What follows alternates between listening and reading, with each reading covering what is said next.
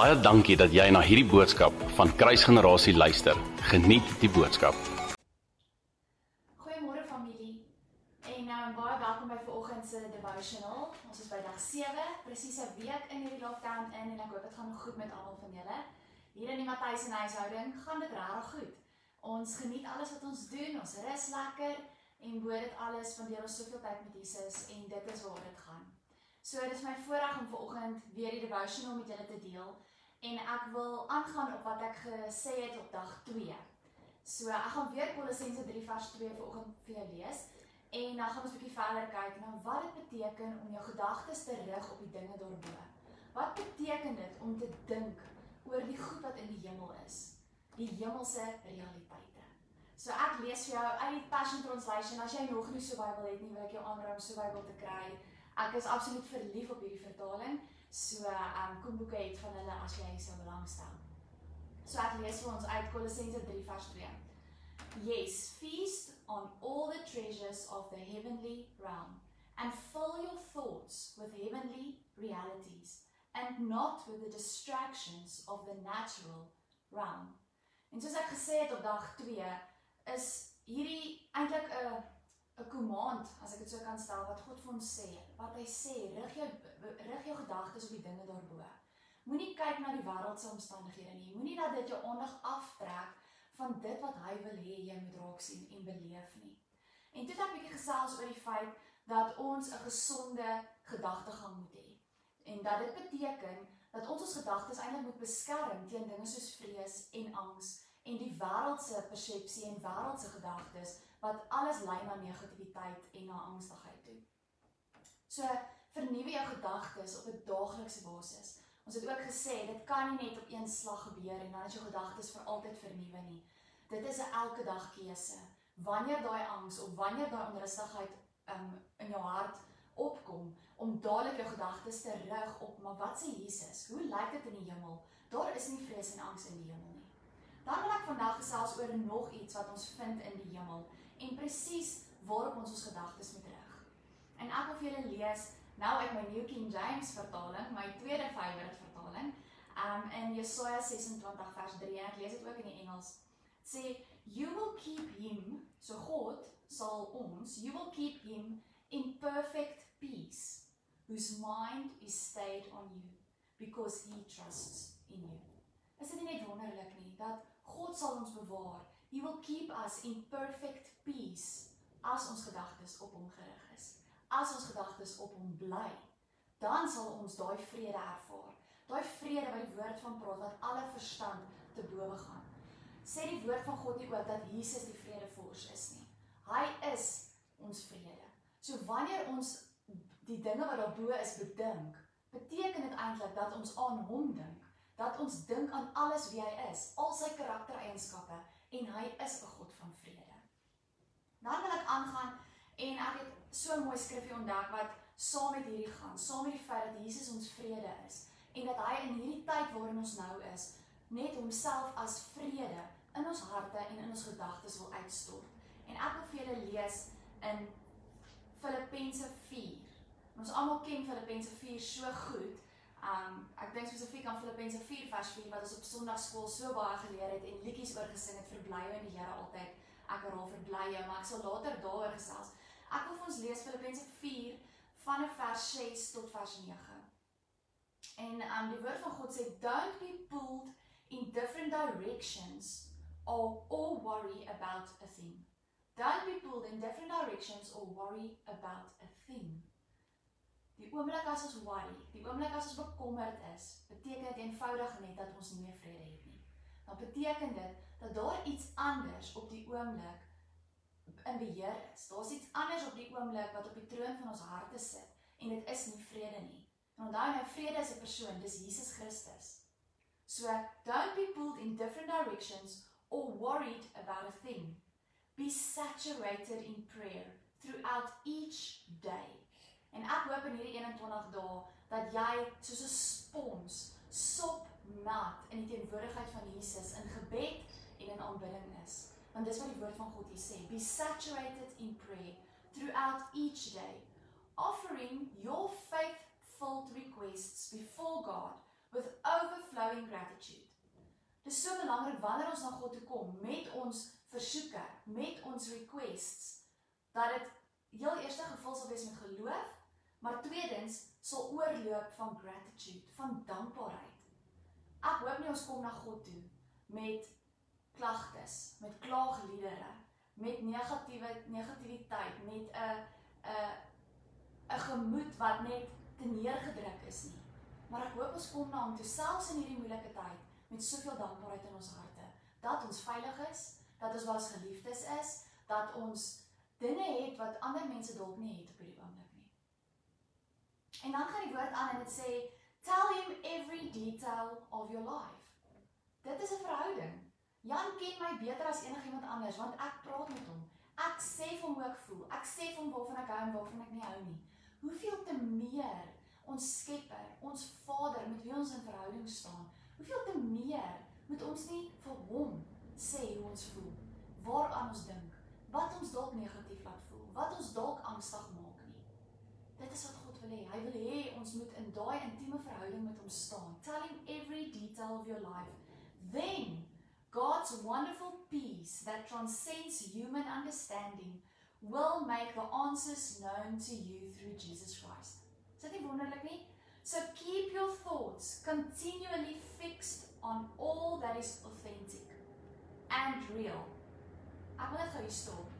Ons het nou nou gelees in Kolossense 3 vers 2 dat ons ons gedagtes moet rig op die dinge wat daarbo is, on the heavenly heavenly realities. So met ander woorde, die hemelse realiteit moet ons realiteit word hier op aarde. Dit wat God wil hê ons moet aandink en oordink, moet op die einde van die dag hier op aarde ons gedagtegang word, ons leefstyl word.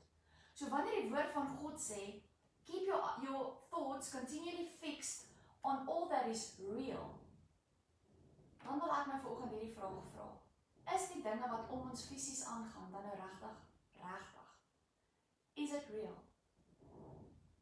Of is die dinge wat God wil hê ons moet oordink, wat in die hemel is, is dit eintlik wat regtig En sien die oomblik as ons daai mind shift maak, die oomblik as ons gaan begin bedink die dinge wat daar bo is in die hemel, daai heilighede, daai heavens realities, die oomblik as ons oor daai goed gaan begin dink, then that is going to become our reality.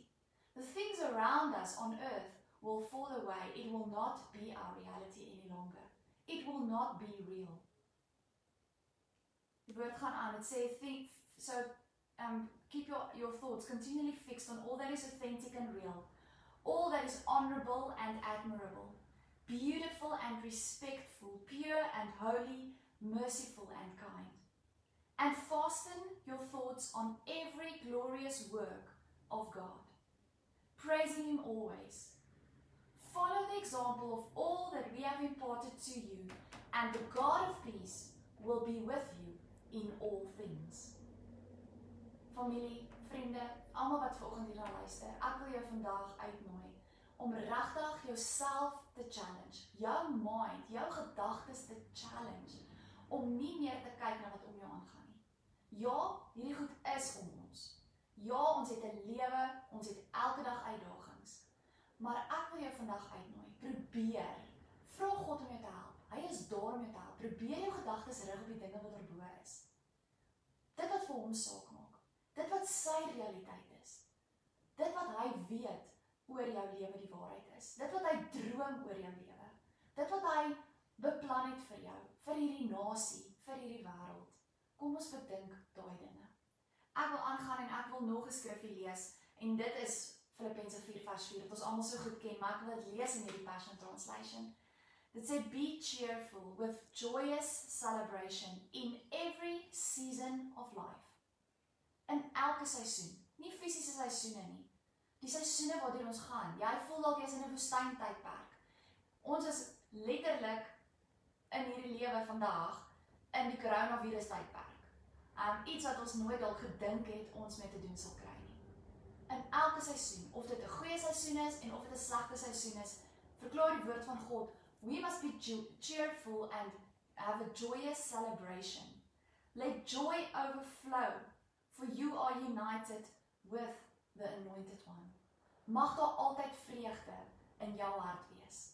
Al gaan die omstandighede hoe sleg, al voel jy hoe te neergedruk deur die omstandighede, mag dit nooit jou joy kom steel nie. Maar mag die oomblik wanneer jy jou oor rig op Jesus, jou gedagtes rig op die dinge wat daarbo is, sal joy outomaties deel wees van jou. Jesus is joy. Hy is the fullness of joy is in his presence. Die oomblik as ons in sy teenwoordigheid is, kan daar nie kan hy nie anders as om joy en vreugde in ons harte uit te stort nie.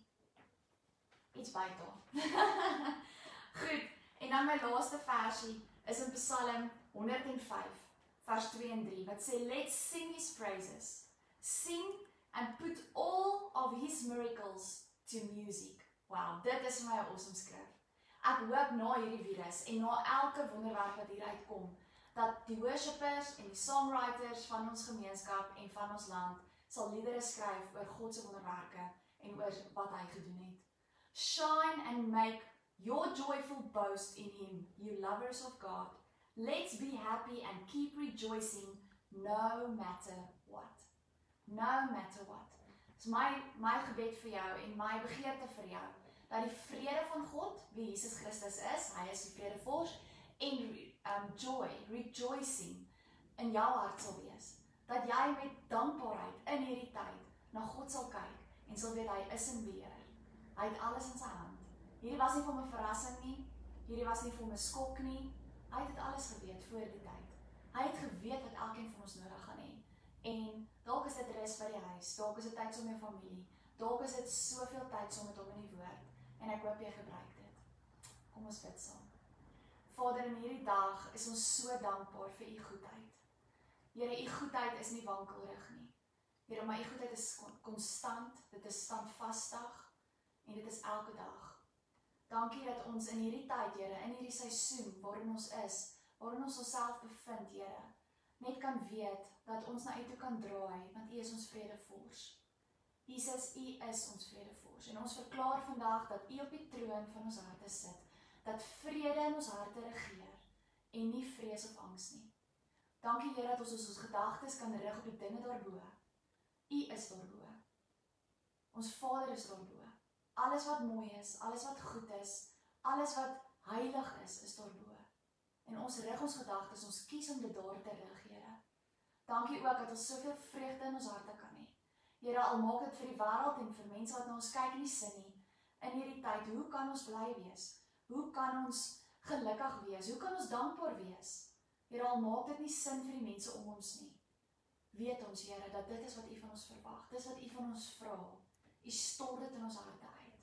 Dankie dat ek kan bid vir elkeen van ons familielede, ons geestelike familie, ons fisiese familie, ons vriende, Here, en almal wat kyk vanoggend. Dankie dat U hulle kom seën met soveel vrede en soveel vreugde in hierdie tyd. En die res van die dae wat oor is, Here, bid ek dat hulle so naby aan U sal kom. Mag ons as Johannes op U bors kom lê, U hartklop hoor en weet, Here, dat ons veilig is in U arms. In die naam van Jesus geluister het. Indien jy die boodskap geniet het, deel hom asseblief met jou vriende.